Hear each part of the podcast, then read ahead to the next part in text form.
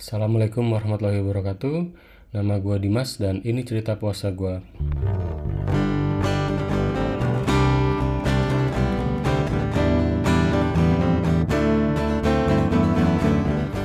Social media and serendipity.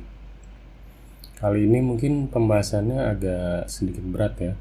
Jadi uh, gue mau cerita kalau minggu kemarin uh, gue dapat rekomendasi dari dosen gue itu buat nonton film Social Dilemma yang ada di Netflix.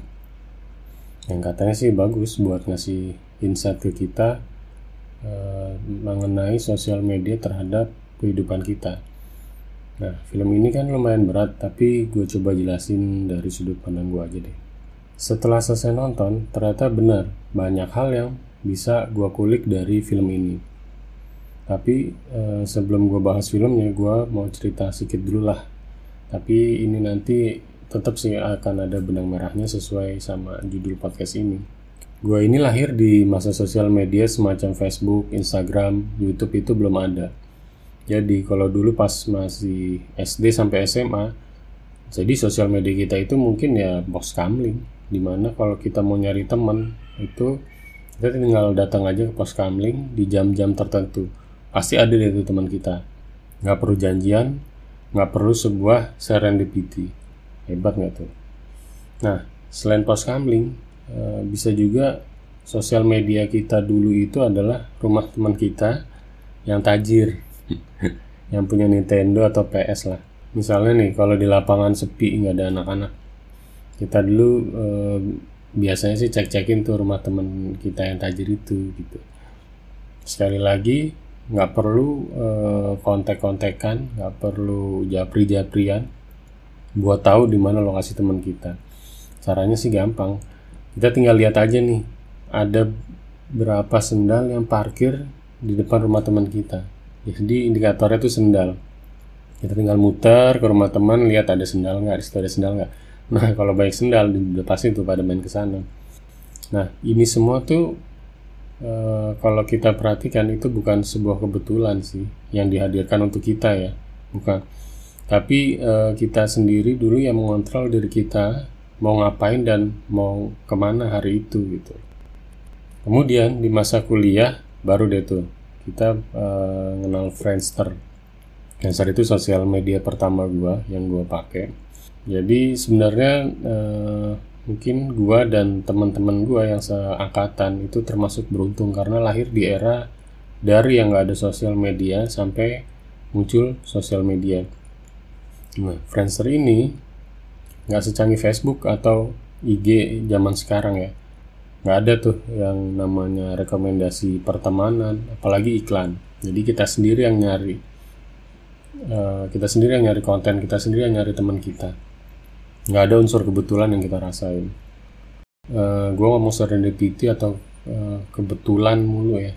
Maksudnya gini uh, pernah nggak sih lo main di Facebook atau di Instagram tiba-tiba nongol sebuah produk yang ini adalah emang pengen lo beli? Kasus pertama itu emang pengen lo beli. Nah kasus kedua adalah pas lo main Facebook atau Instagram itu tiba-tiba nongol konten yang lo tadinya nggak kepikiran atau emang jauh aja dari kebiasaan lo sehari-hari. Tapi ternyata di kehidupan lo ke depannya itu lo jadi suka konten tersebut. Atau uh, lo terpengaruh dari konten tersebut. Gue mau contohin yang kasus kedua. Misal gini. Lo lagi lihat-lihat nih di sebuah platform sosial media. Terus tiba-tiba muncul konten uh, seseorang mamerin hobinya. Misalkan koleksi jam tangan. Lo akhirnya coba uh, baca satu konten kemudian dua konten tiga konten dan seterusnya sampai akhirnya lo berpikir ah gue pengen nih jam yang ini kebetulan banget gue belum punya jam tangan Nah, menurut lo, itu murni si platform random kah munculin jam tangan ke akun medsos lo atau ke profil lo? Sayangnya sih, enggak. Di film Sosial Dilema itu diceritain bahwa platform itu e, membuat suatu algoritma yang mempelajari profil orang jadi untuk e, memahami karakteristik dan perilaku seseorang.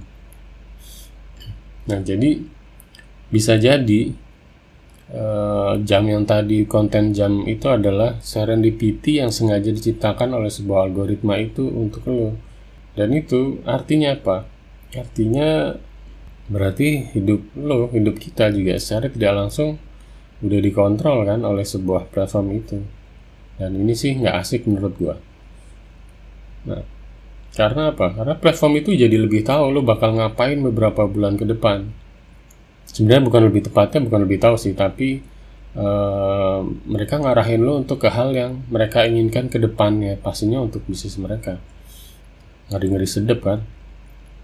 Bayangin misalkan uh, sekumpulan orang yang memiliki profil seperti gua itu di bulan ke, bulan depan semuanya mungkin atau 80% akan membeli katakanlah akan membeli sepeda.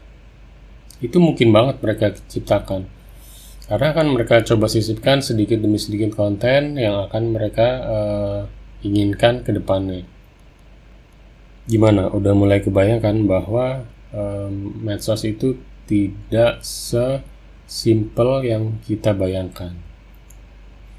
Nah, terakhir gue cuman mau bilang uh, ada beberapa hal yang bisa uh, kita lakukan. Yang pertama, kalau kita sebagai saintisnya atau sebagai orang yang menciptakan teknologi, suatu teknologi, itu sebaiknya kita memperhatikan uh, kemaslahatan orang banyak agar teknologi kita itu berguna untuk orang banyak tidak untuk uh, semata-mata kepentingan pribadi atau uh, suatu organisasi ya kemudian kalau kita sebagai pengguna itu sebenarnya juga nggak perlu paranoid banget sih sama sosial media yang penting kita itu bisa mengontrol apa yang mau kita lihat jadi jangan sampai kita dikontrol oleh sosial media itu aja sih yang pengen gue ceritain di podcast kali ini. Terima kasih udah mendengarkan. Kita jumpa lagi minggu depan. Wassalamualaikum warahmatullahi wabarakatuh.